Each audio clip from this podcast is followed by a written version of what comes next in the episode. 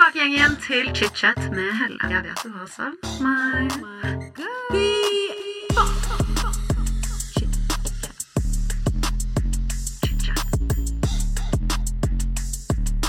I dag får jeg besøk av en av Norges største influensere, Kristin Gjelsvik. Som dere ser, så er dette da del én av to deler. Neste kommer eh, neste torsdag. Men i dag, i hvert fall, i del én, så får vi høre om oppveksten til Kristin, hvordan det var i Bergen. Og hun forteller detaljert om en ganske trøblete tenåringsperiode preget av eh, mye rus. For Kristin hun havnet i feil miljø, rett og slett. Eh, og det var veldig Der var det et heavy rusmiljø. Hun forteller i dag hvordan hun kom seg ut av dette. eh, I tillegg til at vi får høre om veien inn i Paradise Hotel, hvordan det forandret livet hennes, og hvordan Medie-Norge bare kom etter Paradise. I del to, som kommer neste uke, så går vi litt mer på det personlige. Hun eh, deler om Dennis og bruddet, hvordan det er å være, ha vært alenemamma, hvordan det har vært å date etter du har vært med den samme fyren i ti år, hvordan det var å ha sex med en ny person. Altså bare all that juice. Men det kommer i del to. Og det er ikke noe annet å si dere nå enn eh, velkommen tilbake til chit-chat og del én. Håper dere nyter episoden. Kristin Gjelsvik, velkommen til chit-chat. Tusen takk, deilig å være her.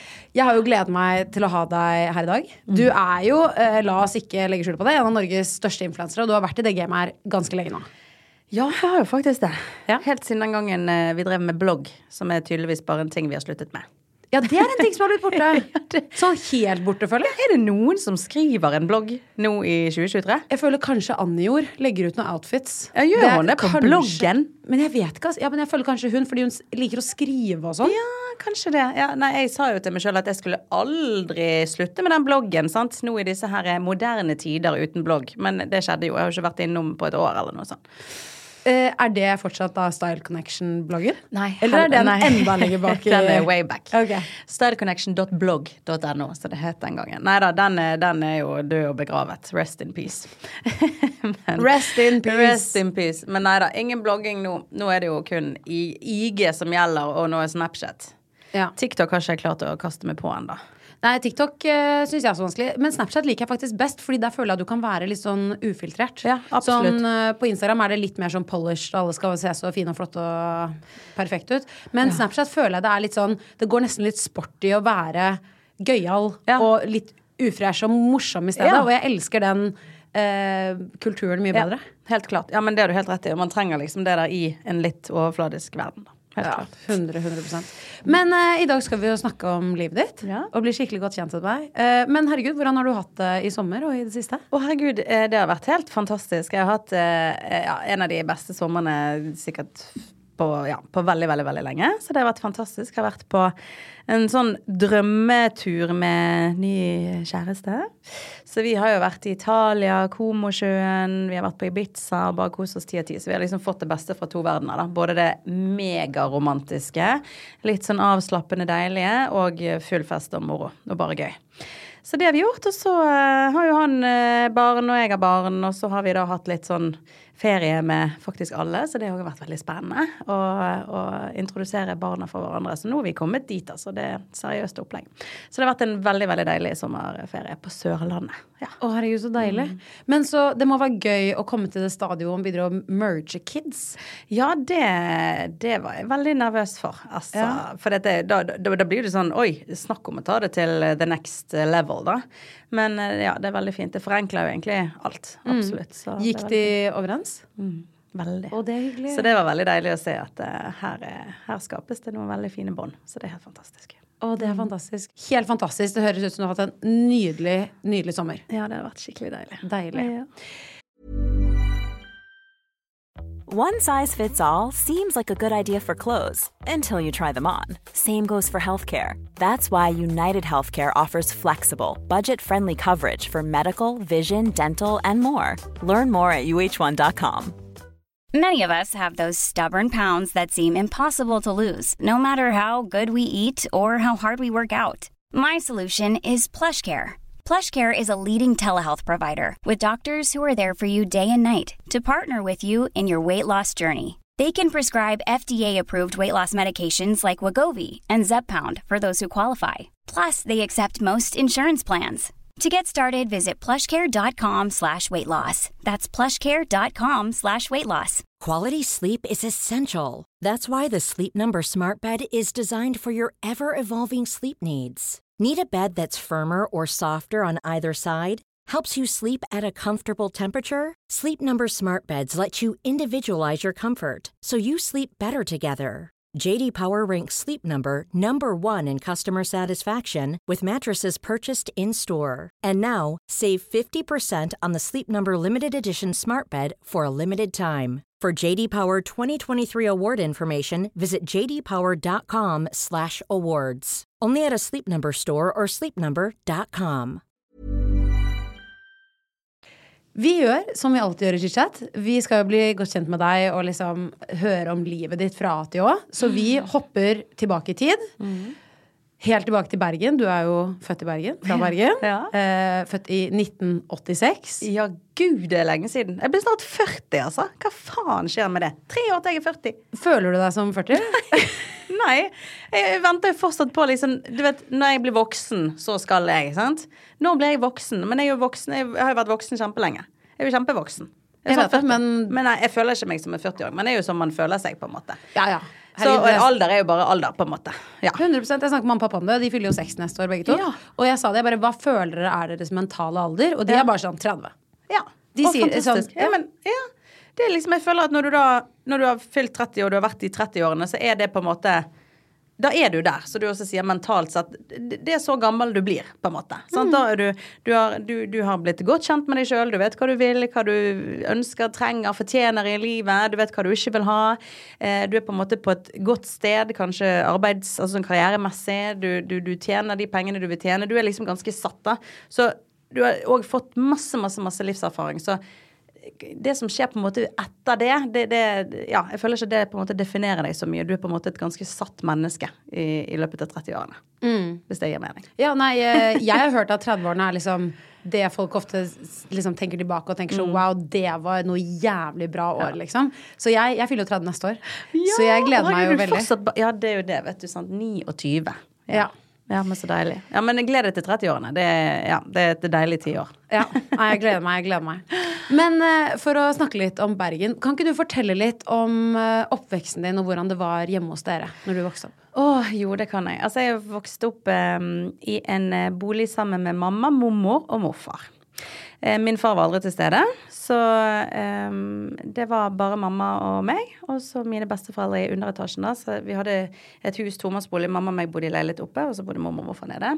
Uh, og det var ganske fantastisk, for min far var jo som sagt ikke til stede. Så det at mine uh, for, besteforeldre kunne bidra så mye som de gjorde, uh, det var jo veldig, veldig, veldig fint. For mamma spesielt, da.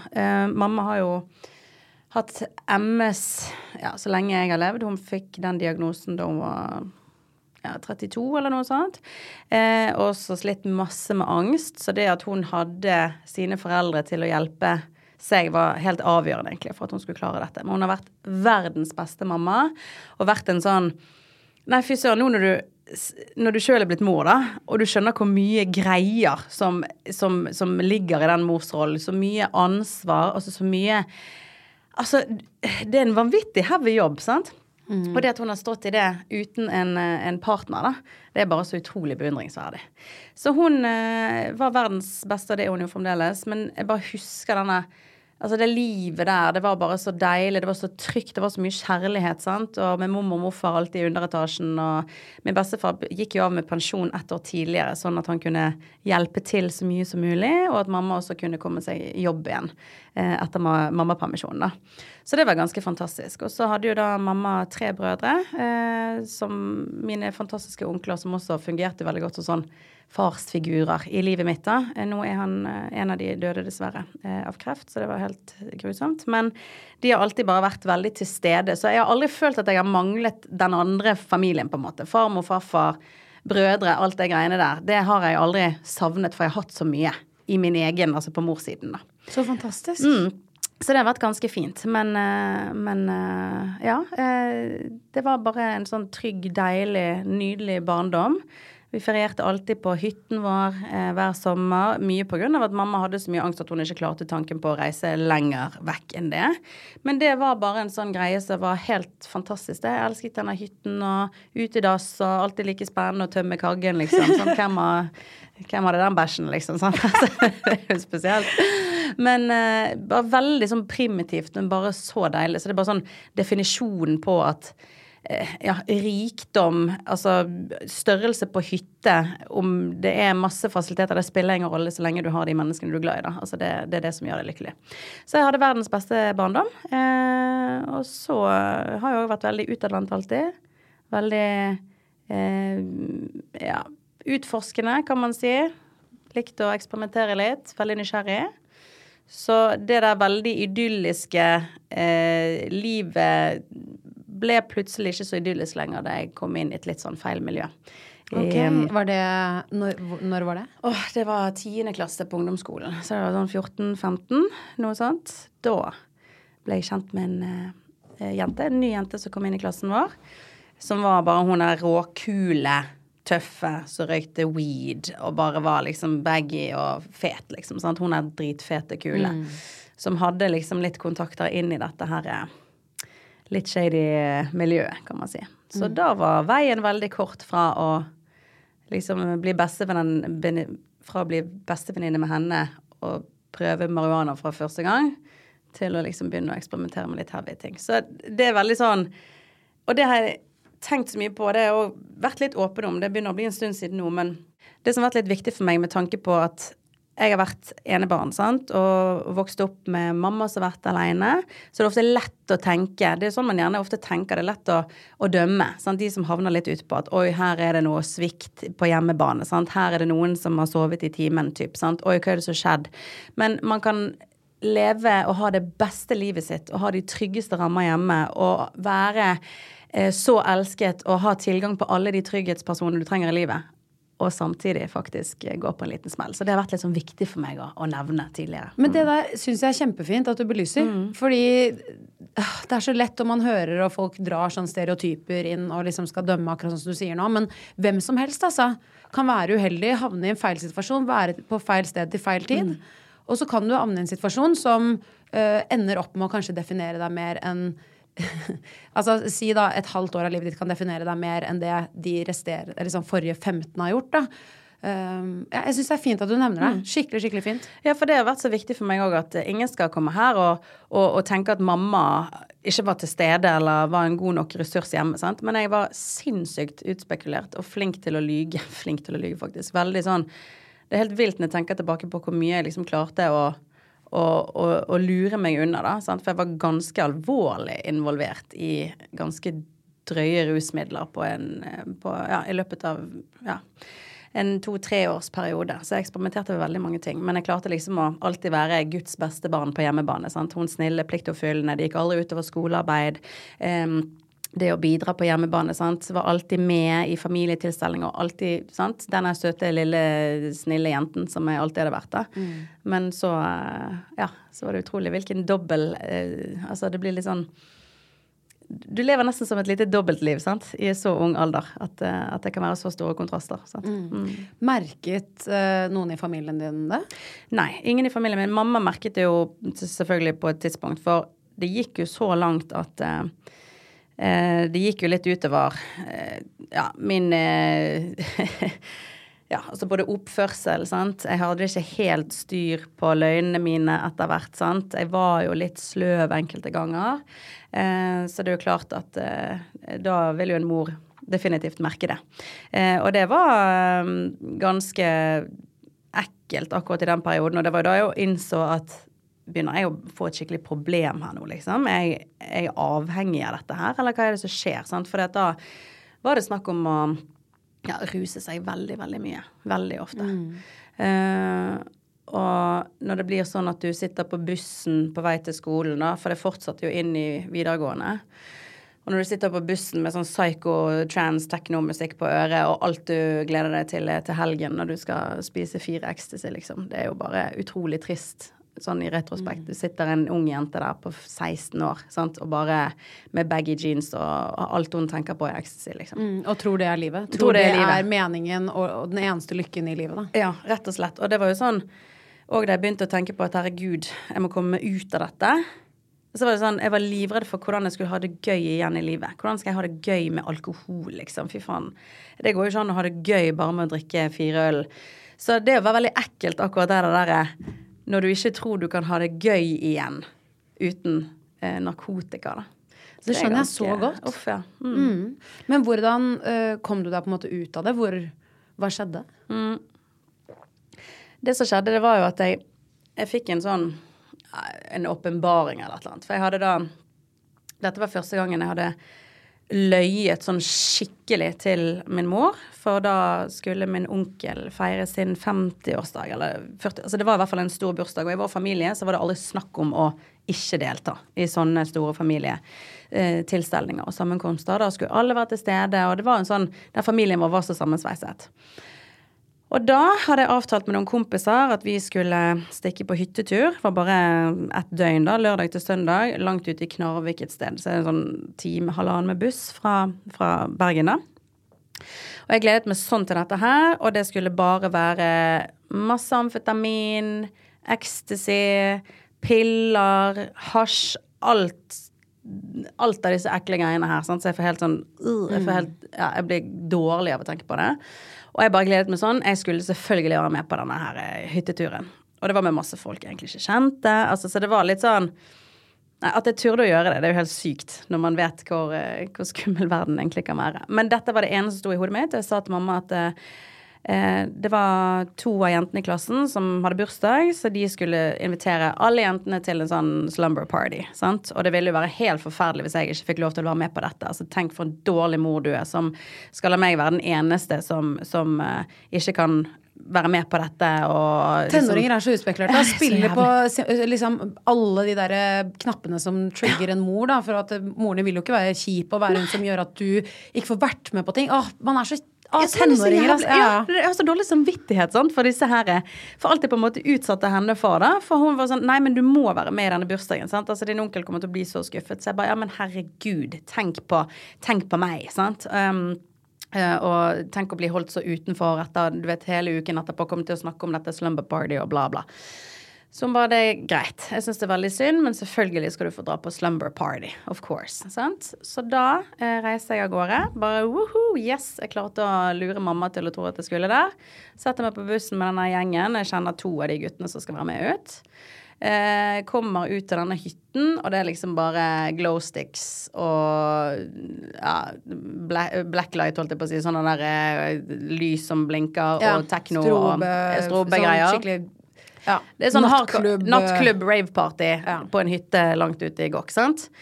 Um, masse dop. Så det er liksom Det eneste jeg egentlig husker, det er at jeg kommer inn i denne hytten. Her sitter kompisen min, der er han andre. Ok, det er masse andre folk. Aner ikke hvem de er. Det er liksom Aldersspennet går fra 14 til 40, kanskje. Sant? Det er jo bare Det er jo ikke greit. Det er bare- ikke greit. Nei, Det, for jeg tenkte nå at det kun på en måte var tenåringer i alderen liksom 16. Nei Man, åh, Nei, det er mye det ikke bra. Så Ikke så jeg bra. vet jo fortsatt ikke den dag i dag egentlig hva som faktisk foregikk den, det døgnet der. Og så bare legges jo all narkotikaen bare ut på bordet, sant? og det er egentlig bare til å forsyne seg med det du vil. Og som sånn eh, Jeg var vel kanskje 17 da, eller noe sånt. Du er jo ung, du tenker ikke på konsekvenser, du er udødelig. Altså, det er ingenting som kan ta knekken på deg. Ta for mye narkotika. Det er ikke noe som heter det. Her er det bare til å snorte det du kommer over, og poppe i deg de pillene du vil. Og det er helt utrolig hvilken tillit du da får til de folka som står rundt der og dealer dop til deg. Sant? Du tenker jo at ja, ingenting av dette her er, er farlig, på en måte. Sant? Men du aner jo ikke hva noe av dette her inneholder i det hele tatt. Um, så vi drar noen linere og popper noen piller, og det er det jeg husker. Så kommer jeg liksom til meg sjøl dagen etterpå. Altså For en som bruker mye dop, så er dagslys det verste. Det er din verste fiende. Det, det, det vil ikke du ha. Du vil bare at natten skal vare i det uendelige. Sant? Og bare høre på Goliat, liksom, oppi hodet ditt, og bare hardcore vibes, liksom. Eh, og så bare kommer jeg til meg sjøl, og der står jeg bare sånn febrilsk og drar i gardinene. Og bare sånn prøver å stenge dagslyset ute. Og da ligger det en fyr på en sofa der, en annen sitter i en stol. Det er ikke fest der lenger, men musikken dunker. Og det er sånn et par folk her og der. Noen sitter fortsatt og røyker weed ute på kjøkkenet. Men festen er avsluttet for lenge siden, og ja, det er en tredjedel igjen. Resten har dratt. Eh, de kompisene mine er ikke der, så jeg vet ikke hvor de er, liksom. Så jeg står egentlig bare alene med folk jeg ikke kjenner.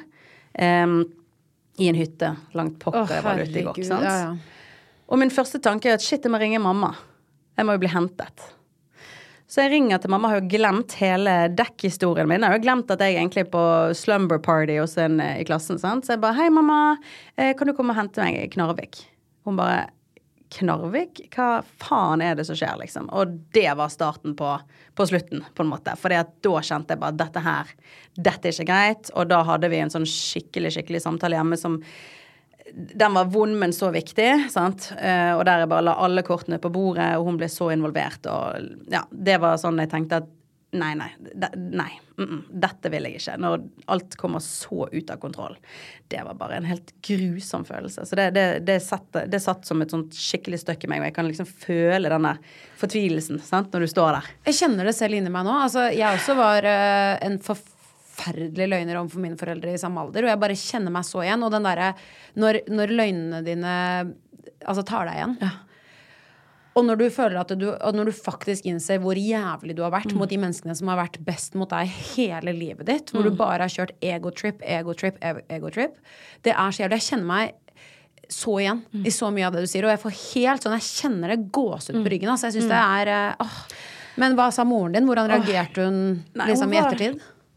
det som har vært mamma, altså hun har jo aldri snakk om eh, å drive gentle parenting, på en måte. sant? Altså, vi har jo aldri kranglet, egentlig, og aldri, hun har aldri vært sur på meg i det hele tatt. så vidt Jeg kan, altså jeg, jeg kan i hvert fall ikke huske det.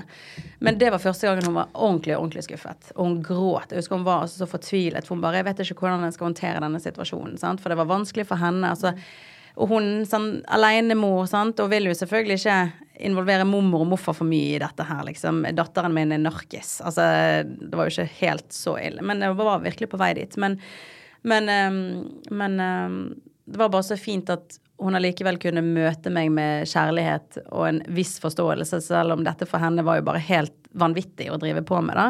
Så skapte hun bare dette trygge rommet der jeg virkelig kunne åpne meg, da. Og, og virkelig forstå at Hjemme er det ikke skummelt. Der kan vi alltid si alt. Vi kan alltid være ærlige og åpne om absolutt alt. Eh, og det er jo noe av det viktigste jeg har tatt med meg inn i min morsrolle. Nå er det fortsatt veldig tidlig, han er bare fire år, så det, vi har ikke havnet i situasjoner der, eh, der eh, ja, han skal komme og fortelle noen ting som kanskje kan være litt skummelt å si. Men det der å alltid møte barna sine med, med et åpent sinn, da, eh, åpne armer og kjærlighet, det får du uansett hvor, hvor dum du har vært. Det, bare, det, ja, det var så avgjørende og så viktig.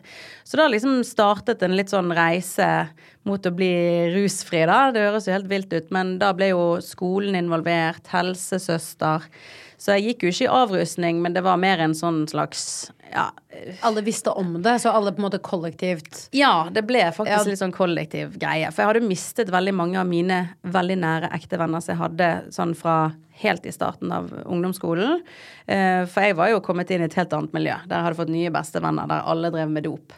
Eh, og de ga aldri opp på meg heller, så det var bare utrolig fint at de òg var der igjen. Sant? Når jeg òg kom ut av dette og var klar for liksom være, være sammen med de som eh, ja, var litt Det er fantastisk, for fordi det er ikke gitt, altså. På ingen måte. Så det å eh, Ja, nei, det er virkelig ikke gitt. Og det er ingen selvfølge at de vennene som, som eh, du liksom bare har gitt faen i, skal stå der med åpne armer seinere. Absolutt ikke. Hey, I'm Ryan Reynolds. At Mint Mobile, we like to do the opposite of what Big Wireless does. They charge you a lot, we charge you a little. So naturally, when they announced they'd be raising their prices due to inflation, we decided to deflate our prices due to not hating you. That's right. We're cutting the price of Mint Unlimited from $30 a month to just $15 a month. Give it a try at mintmobile.com slash switch. $45 upfront for three months plus taxes and fees. Promo for new customers for limited time. Unlimited more than 40 gigabytes per month. Slows. Full terms at mintmobile.com. Millions of people have lost weight with personalized plans from Noom, like Evan, who can't stand salads and still lost 50 pounds. Salads, generally, for most people, are the easy button, right? For me, that wasn't an option. I never really was a salad guy. That's just not who I am. But Noom worked for me. Get your personalized plan today at Noom.com. Real Noom user compensated to provide their story. In four weeks, the typical Noom user can expect to lose one to two pounds per week. Individual results may vary. One size fits all seems like a good idea for clothes until you try them on. Same goes for healthcare. That's why United Healthcare offers flexible, budget friendly coverage for medical, vision, dental, and more. Learn more at uh1.com. Men det å bli møtt med forståelse og kjærlighet, Ja. det uh, Den dagen hvis jeg får barn, da. Det har mine foreldre gjort med meg. Uh, for jeg har også hatt noen situasjoner som har vært ganske uheldige. ass. Ja, du har det, ja. Ja, eh, pappa måtte hente meg ned på sentrum politistasjon hos barnevernet en gang. Nei. Jo, for jeg ble tatt i å stjele nede i sentrum. Ja. Um, så jeg har også hatt min periode med hvor jeg var, jeg var så shitkid, og jeg løy. Det å lyve for meg Jeg var så vant til å lyve at det bare kom så lett. Jeg var veldig god til det. Uh, nå er jeg verdens dårligste på det. det, det skal sies at den, eh, den egenskapen den har jeg mistet med årene. Ja. Uh, men da husker jeg pappa kom inn. Og, eh, og jeg hadde, satt- jo og gråt og hadde det helt jævlig. Men da var det sånn Han, han, han bare lo. Ja. For han var sånn Skal vi le, eller skal vi gråte? Ja, ja. Nå håper jeg du faen meg har lært av dette. For hvor, se på deg selv! Hvor er det vi sitter? Hva er det vi driver med? Her for, for, sitter vi, liksom. Se på det her, da. Er dette det mennesket du vil være? Og så liksom lo han av det. Mm. Og når jeg kom hjem også, så liksom mamma de, de ble ikke sinte. Nei. De ble mer sånn Hva, hva skjer? Ja. Hva, hva skjer, Ella? Ja. Hvorfor? Hvorfor? Er det noe du mangler? Er det noe du får? Jeg bare, nei, det var ikke det. Liksom, det er jo mer excitement. da Jeg bare hadde en venninne, og jeg følte at jeg hadde blitt påvirket av noen andre folk. Og det var liksom bare sånn det var så, Og de bare Ja.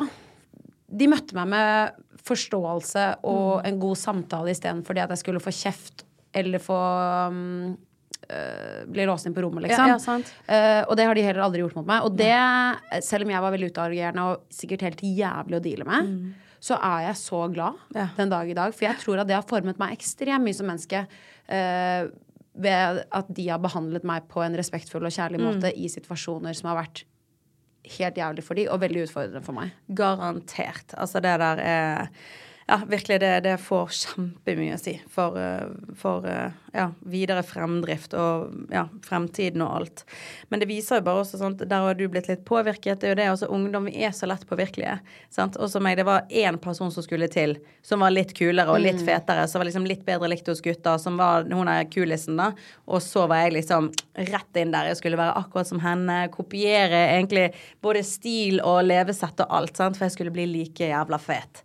Så, så det er helt vilt hvor, eh, hvor lett påvirkelig man er jo som, Ja, ja. som ungdom. Sant? Det er så lett, mm. altså, jeg synes det er så uh, nesten gøy hvordan Og det føler jeg i voksen alder òg, for så vidt til en viss grad. At man har så lyst til å være lik som alle andre. Det, er, det, er sånn, det er egentlig veldig rart. For det å være unik er kanskje noe av det mest sexy jeg vet om i hele verden. Og så er det litt det at man på den tiden Men også nå. Man blir jo veldig inspirert av hverandre. Det er en grunn for at folk legger ut outfits på Instagram og er sånn 'Å, hvor er den kjolen fra?' Altså, alle vil jo se like ut som alle andre og, og liksom Nei, det er egentlig, egentlig ganske weird, ass. Ja, det er super weird, men det er jo sånn saueflokkmentalitet. Vi er jo flokkdyr, så det er vel kanskje noe med det, da. At du skal for guds skyld ikke skille deg ut, og du skal bare følge mainstream, da. Ja. Men det er jo så boring. Ja, det er veldig boring. Altså, så det å tørre å liksom fargelegge litt utenfor strekene og Ja. sånn, uten at man skal ja, og det å, ja, å tørre å stå litt støtt i seg sjøl, da. Og, men det er, ikke, det er ikke veldig lett, altså. Det Nei, det er enorm, eh, Ikke lett alltid, det, Altså. Mm. Men uh, for å bare gå litt inn, Ja, tilbake inn ja, i livet. Inn i livet Inn og i Bergen. livet. Vi snakket jo egentlig om Bergen. Nå bare toget jo jeg av gårde. Nei, men det var kjempefint, eh, fordi det, det her er det vi vil høre om. Vi vil høre om det ekte, det som øh, er bak den fasaden, da, Mm. som man ser på sosiale medier, som både du og jeg lever av. Og, liksom, og det er derfor jeg startet Chichat utgangspunktet, i fordi jeg hadde lyst til å høre om øh, oppveksten til menneskene vi ser på TV eller i media, da, og høre hvordan de faktisk er som mennesker. Mm. Ja. Fordi som ofte så har vi alle veldig mye mer øh, Altså, vi alle er mye likere, da, tenker jeg, enn det man kanskje tror. Og alle familier har sitt, og Ja. alle har slitt med ting. Og, og, og, og jeg bare syns det er så viktig å snakke om ting som er vanskelig, da. Ting som er tabu, ting som er skikkelig dritt. Eh, fordi jo mer vi snakker om ting som er kjipt, da, jo, jo bedre tror jeg det bare er for alle. Ja, ja, helt klart. Ja. Helt klart. Men uh, jeg må jo bare si, første gang jeg så deg, da, for å snakke om det, var jo, var jo på TV. Ja. For å komme til litt videre etter tenårene. Paradise Hotel 2012, Kristin. Å gud, ja, altså. Det Ja. Da hadde jo jeg flyttet til Oslo. Sant? Jeg, eh, etter jeg liksom kom litt ut av dette rusmiljøet og sånn, så møtte jeg jo en eh, fyr som eh, jeg ble sammen med, og levde jo da eh, livet mitt med han i mange, mange, mange år. Jeg startet jo livet mitt litt i feil ende. Sånn på en måte, for jeg fikk kjæreste, vi kjøpte leilighet, hund, bil. Sant? Det var liksom bare jeg bare glemte de der tenårene etter du fylte 18. Det var liksom da du skulle liksom begynne å leve litt. Sant? Da var jo jeg allerede ja, husmann og, og hund. Oh ja, så du var liksom såpass voksen seriøs med en Ja, gang? Ja, med en gang. Så det tok ikke lange tiden. Vi ble sammen da jeg var Jeg husker faktisk ikke. Men vi, vi var sammen kjempelenge. Og så satt jeg plutselig der med leilighet og bil og hund. Veldig rart når du er liksom 22 Jeg, men jeg år. gjorde akkurat det samme. Jeg, gjorde jeg, det? jeg giftet meg jo når jeg var 23. Jeg hadde bikkje og hus og var gift. Ja, for jeg visste jo at du Ja. har giftet deg før. Men, men du var bare 23, Ja, ja. så det er akkurat det. Så, så vi er litt i samme båt, for jeg også følte jo det var sånn alle venninnene mine studerte og liksom var på fest, og jeg satt på Kjelsås i hus med mannen, liksom. Ja, faktisk mann også, sant? Med ja. ring på fing og alt. Det, Ja, ja. det er jeg litt nysgjerrig på. Har du snakket mye om det? Eh, har jo nevnt det i podcasten flere ganger, ja. men eh, nei, det var absolutt et liv. Men igjen, det var et helt fantastisk kapittel i livet Ja. mitt. Men, eh, men jeg ble jo skilt også når jeg var 25, da. Ja, sant. Så eh, hei hvor det går. Ja, men ok, det er jo okay, en skilsmisse bak deg, og du har prøvd å gifte deg før, og ok, det er jo òg en erfaring Ja, rikere. det, det var en Altså, erfaring, altså. Men, ja. men, Ja. eh, men jeg elsker den delen av livet mitt også. Ja, men så bra. Ja. At det liksom bare ikke har vært Du ser ikke tilbake på det som bare sorg og elendighet, liksom. Ikke i det hele tatt. Eh, nesten Altså sånn selvfølgelig rett etter skilsmissen, så er, er, kommer jo det med mye tanker og følelser og vanskeligheter. Men, men nå ser jeg tilbake på det som et av de flotteste kapitlene i livet mitt. og fantastisk. bryllupet mitt er til den dag i dag kanskje den fineste dagen i mitt liv. Herregud. Ja. Gift. Det er jo bare det fineste som finnes. Bryllup, altså. Ja. Altså, ja, det, altså jeg, jeg, jeg vil gifte meg igjen. Det kan jeg bare si med en gang. Altså, helt fuckings fantastisk. Det har jeg så lyst til. Tenk så deilig at du kan faktisk få lov til å gjøre det to ganger. Kanskje. Forhåpentligvis bare to, da. Forhåpentligvis eh, bare to. Men så gøy. Men jeg må jo innrømme at jeg, husker det da du giftet deg, skjønner du. Ja. Fordi at eh, eh, jeg, altså jeg er over gjennomsnittet interessert i bryllup. Så jeg tror jeg drev og stalket eh, og prøvde å finne bilder via via. Sant? Du er inn på en profil, og så er det noen som tagget bare 'Jeg må se den brudekjolen'. Men sånn føler jeg alle holder på. Gå gjennom sånn gjestelisten, begynner å titte på sånne mennesker som du aldri vet om er, som har sånn 300 følgere og sånn, men du bare stalker livskiten ut av sånn alle som er i ja, men det er akkurat det man driver med. Veldig Ja. gøy. Men, Nei, eh, men ja. eh, jeg må bare spørre da, hadde du liksom kjæreste uh, når du gikk inn på Paradise? Nei da. Nei, for det, det, det ble jo et brudd da, eh, her. Uh, for jeg hadde da vært sammen med han der fyren her i syv år. På det sjette året, da hadde jeg min første utenlandstur med venninnene mine til Hvor var det jeg dro? Hersonissos, eller Sunny Beach. Vi tror vi var på Sunny Beach. Jeg fikk bare lov å være vekk i en uke. De andre fikk lov til å være der i to. Og da hadde jeg vært i dette forholdet i all evig tid. Sant? Hadde jo ikke utforsket, ikke flørtet med noen andre. Altså Det var så vidt på det nivået. Det var sånne ungdomsskolekjærester sånn som ikke kan jo Ja, nei. Men, eh, Og jeg dro på denne turen. Da var jo vi forlovet og alt mulig. Vi skulle gifte oss året etterpå, og da var jeg 21. Sant? Altså, du er jo for ung, vet du. Du er altfor ung. Og på denne turen til Sunny Beach Altså, jeg, var, jeg gjorde ingenting ulovlig i det hele tatt, men jeg bare Wow! Jeg var på fest hver dag, og bare det derre party life, og det å få litt sånn flørtende blikk fra noen kule gutter fra Harstad, liksom, fra, på det der eh, charterhotellet, og det var bare den der følelsen av at nei, gud, jeg kan jo ikke gifte meg, så da fikk jeg den der følelsen, og egentlig det der tegnet jeg trengte på at du er for ung for bryllup, så det må du bare skrote med en eneste gang. Så jeg kastet jo skrotet forlovelsen da jeg kom hjem, men vi fortsatte å være sammen da. Eh, og jeg tror egentlig at det gikk liksom litt bedre en periode, for vi var nok kanskje begge egentlig ikke klar for det der giftermålet ennå, og det er egentlig bare ja, gjorde ting litt vanskelig. Sant? Skal vi virkelig begynne å planlegge bryllup nå? Altså, jeg er 21, nei, ikke bra. Men eh, det gikk jo bare ned derfra. Sant? Og det var jo egentlig aldri ekte kjærlighet. Og det var vel egentlig ikke noe sånn her brennende forelskelse heller. Det var vel mer sånn Å, du har bil. Du er litt eldre enn meg. OK, fett. Sant? Og så er det liksom nesten det grunnen for at vi ble sammen Falt litt inn i det, på en måte. Ja, og så var det, så kjøpte vi leilighet, så ble familiene liksom ja, kjent med hverandre, og så er det bare det. Sant? Da går du bare inn i denne her Det virker trygt og greit og godt, og ja, du kan liksom ikke se for deg at det finnes noe annet der ute. Men det gjør jo noen ganger det. Men i hvert fall, plutselig hadde hadde reist en jobb, reise 250 dager i året, var veldig mye på farten, og jeg fikk bare mer og mer den der ja, tegn på at dette er ikke Dette er ikke det forholdet jeg skal være i. Det er jo ikke lidenskap og kjærlighet. Nei, hva er dette for noe? sant? Jeg må, jeg må ut og begynne å leve. Planning for your next trip?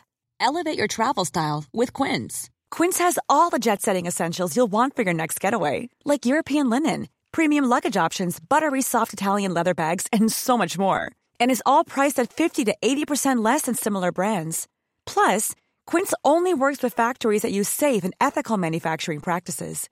Pack your bags with high-quality essentials you'll be wearing for vacations to come with Quince. Go to quince.com slash pack for free shipping and 365-day returns. Want to get a chiseled look in the jawline? Sculpt and shape your jawline with added volume from Juvederm Volux XC. Juvederm Volux XC is an injectable gel specifically designed to be robust enough to improve moderate to severe loss of jawline definition. And it is the first and only hyaluronic acid filler approved for the jawline. Add volume to your jawline for a chiseled look with Juvederm Volux XC. For important safety information and to find a licensed specialist, visit juvederm.com. That's J U V E D E R M.com. Not for people with severe allergic reactions, allergies to lidocaine, or the proteins used in Juvederm. Common side effects include injection site redness, swelling, pain, tenderness, firmness, lumps, bumps, bruising, discoloration, or itching. There's a risk of unintentional injection into a blood vessel, which can cause vision abnormalities, blindness, stroke, temporary scabs, or scarring. Talk to a licensed specialist to find out if it's right for you. Visit juvederm.com. That's J U V E D E R M.com.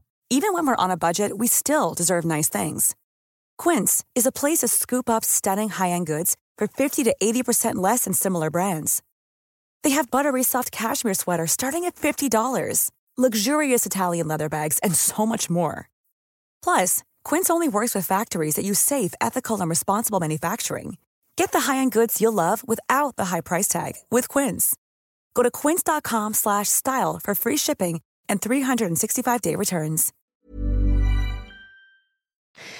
Så det ble slutt, og da flyttet jeg til Oslo. Og bare nå starter livet i hovedstaden. Så jeg hadde hatt to fantastiske år her borte og bare levd livet. sant? Jeg glemmer det aldri før jeg hadde gjort det slutt med han her.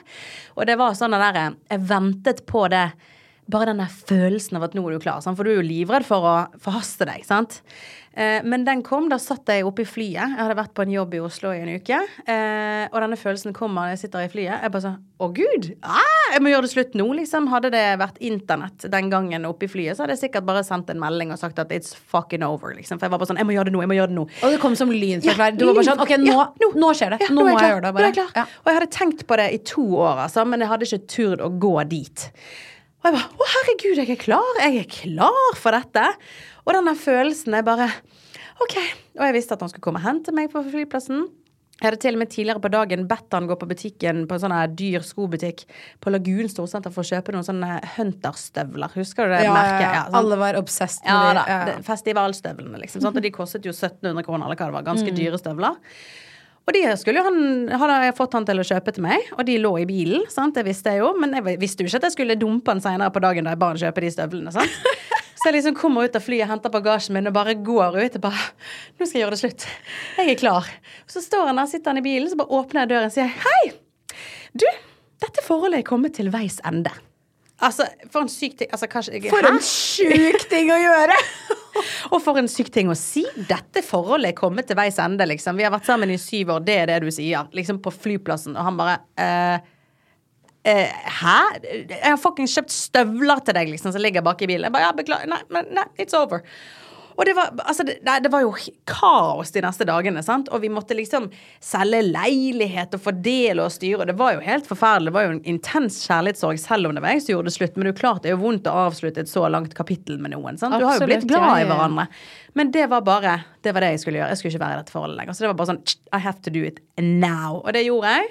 Så brukte vi de tre neste dagene på egentlig bare å sørge sammen og drikke oss dritings. Og vi hadde egentlig ganske fine dager, men de var triste og vonde og vanskelige. Men etter de tre dagene så var det bare sånn Nå er jeg klar.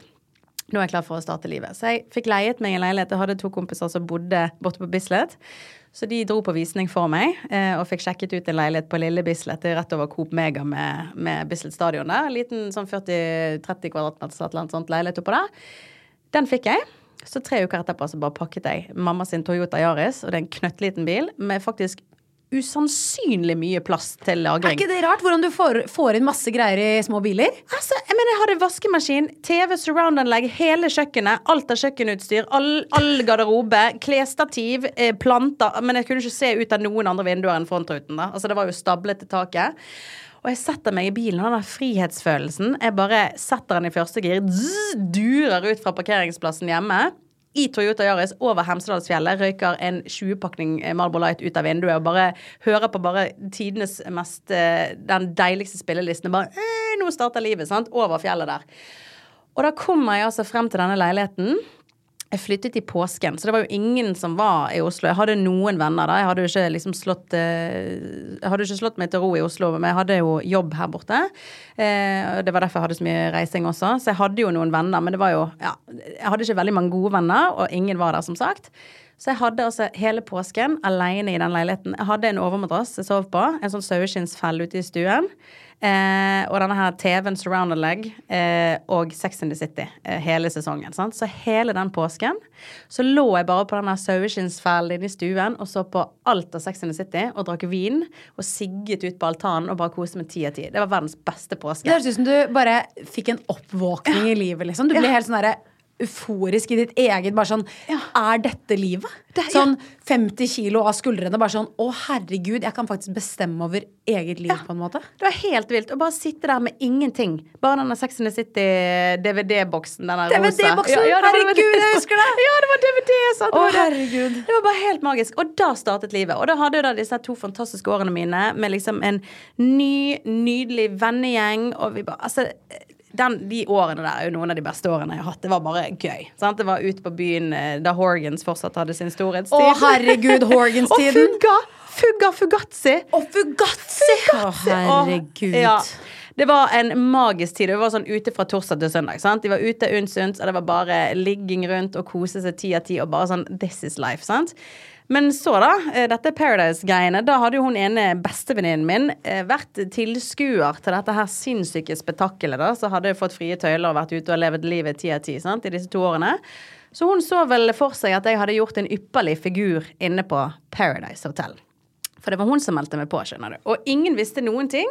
Jeg visste heller ingenting. Niks nada. For dette første sesong? Ja, nei, fjerde. Fjerde fjerde sesong. ok, det var fjerde sesong, ja, ja. Men det er i hvert fall Så jeg, jeg hadde ikke sett Paradise engang. Jeg bare visste at drar du på det, så mister du jobben og familien din. Altså Da kan du bare drite i det. For det var den gangen det ikke var kult å ha sex på TV, liksom. Jo, men det husker jeg, fordi det er så sykt hvordan reality har forandret seg gjennom årene. Det er helt insane. Ja, ja. Faen. Fra å være ikke stuerent i det hele tatt til å bli sånn Oi, dette her er, er Nå har du karriere når du kommer ut, liksom. Ja, ja. Bare vær mest mulig jævlig og ligg med flest mulig folk. Og bare, ja, bare egentlig være et dårlig menneske, så har du Da, da er du You're covered, liksom. Ja. Nei, og så um, Nei, så hun meldte meg på. Så plutselig en dag så ringer telefonen fra Mastiff, da, så er jo dette produksjonsselskapet, og bare 'Hei, vi ringer i forbindelse med en søknad du har sendt inn til TV-program. Vi skulle gjerne hatt et lite intervju.' Så jeg bare skjønte jo ikke hva de snakket om. Eh, jeg bare eh, det, det vet jeg ikke. Altså, jeg vet ikke hva dette dreier seg om. Så bare å, OK, men OK. Vi syns allikevel at denne søknaden var litt spennende, da. Altså, jeg vet jo fortsatt ikke hva hun har skrevet i den søknaden. Så du vet ingenting, du? Å, herregud. Men det må jo ha vært ganske bra, da, for det Ja. de, ja, siden de faktisk ringte. Så tenkte jeg jo det som den der litt nysgjerrige personen jeg er, da. At herregud, en sånn telefonsamtale, et lite telefonintervju, kan jo ikke skade. Altså, jeg skal jo ikke være med på Perra uansett, men vi prata nå bare. Og vi pratet litt, og det var veldig hyggelig. Så ble jeg invitert inn til en sånn casting. Jeg bare, ja, det er jo hyggelig, det er jo folk. og Det er gøy å prøve ut, liksom. Ja, ja. møte nye mennesker, og det er jo alltid stas. Så jeg dro nå inn. Men det var jo veldig sånn, jeg skal jo ikke være med på dette uansett. Så det var kanskje positivt at jeg ikke prøvde for hardt. sant? Jeg ga jo egentlig fullstendig faen. Eh, og så var det en ny castingrunde, casting nummer to. Og jeg bare Ja, det var noe hyggelig sist. Det kan du dra inn denne gangen òg, da. Og plutselig ringte telefonen ja, to uker før jul og bare sånn Er du klar for å reise til Mexico 2. januar? Så jeg var eh, nei. nei, nei, jeg skal ikke være med på Paradise Hotel, er du gal? Så jeg bare, jo, men vær så snill, det kommer til å bli bra, bla, bla, bla. Og da begynte jeg liksom å tenke, for jeg hadde jo en, en, en ganske normal og god jobb eh, den gangen. sant? Hva jobbet du med da? Da jobbet jeg som eh, retail manager for Only Norge. Å, Så jeg hadde faktisk ansvar for drift av butikkene i Norge. Og 35 butikker eller noe sånt. Så jeg var ganske høyt oppe i bestselgersystemet den Ja. gangen. Som, driver, som, som eier. Bestselger er jo paraplyen, så har du Jack and Jones, Vera Moda, Only, alle disse. Ja. Så jeg hadde en ganske, ganske bra jobb. Eh, men så hadde jeg jo en drøm om å gjøre det. Jeg hadde faktisk en blogg på den tiden. Fashionblogg, da. Og het Style Connection, med sånn outfits og sånn. Og jeg trodde jo at det var fashion man måtte drive med for å kunne ha en blogg i det hele tatt. sant? Men det var jo ikke helt meg, og jeg hadde jo ikke peiling på hva jeg drev med. Men jeg hadde liksom et ønske om å starte noe eget. Jeg hadde en drøm om egen kleskolleksjon. sant? Jeg hadde jo gått design og tekstil. Jeg har jo en viss sånn Ja, jeg hadde jo ti års erfaring i motebransjen, da, så det var liksom Jeg hadde lyst til å gjøre min egen greie. Så du, Eh, så du tenkte faktisk nå kan jeg bli med på Paradise for å få exposure og bli kjent? Ja. Det var akkurat det jeg tenkte. For da, da begynte jeg liksom sånn å leke med tanken på at ok, hvis jeg ikke ligger med noen og bare oppfører meg fint, så kan kanskje 50 Minutes of Fame være det springbrettet jeg trenger. Og jeg oppførte meg jo ganske greit. Kom jo greit ut av det. Eh, og da ja, ble det sånn, da. Tenk hvis du ikke hadde vært med. Tenk hvor, Ja, tenk, altså sånn, det, det at du er, ble med der, er jo egentlig det beste valget 100%. noen gang. Altså, du har jo fått en, en sinnssyk karriere i etterkant. Altså, sånn, det er jo helt vilt. Det er faktisk helt vilt. Altså, dette her må vi snakke mye mer om, men jeg bare ser nå at uh, vi har snakket såpass lenge at dette her blir del én. Og for alle dere som lytter, uh, abonner til ChitChat med Helle, og dere får da opp del to med Kristin neste torsdag. Kristin, vi fortsetter. Ja, det gjør vi! Woohoo! Til deg som har lyttet til denne episoden, hvis du likte det du hørte, så gå gjerne inn i appen og abonner på ChitChat med Helle. Da får du automatisk opp nye episoder hver eneste torsdag. Og hvis du er ekstra grei, så legger du gjerne igjen en review. Det hadde jeg satt kjempestor pris på. Vi høres!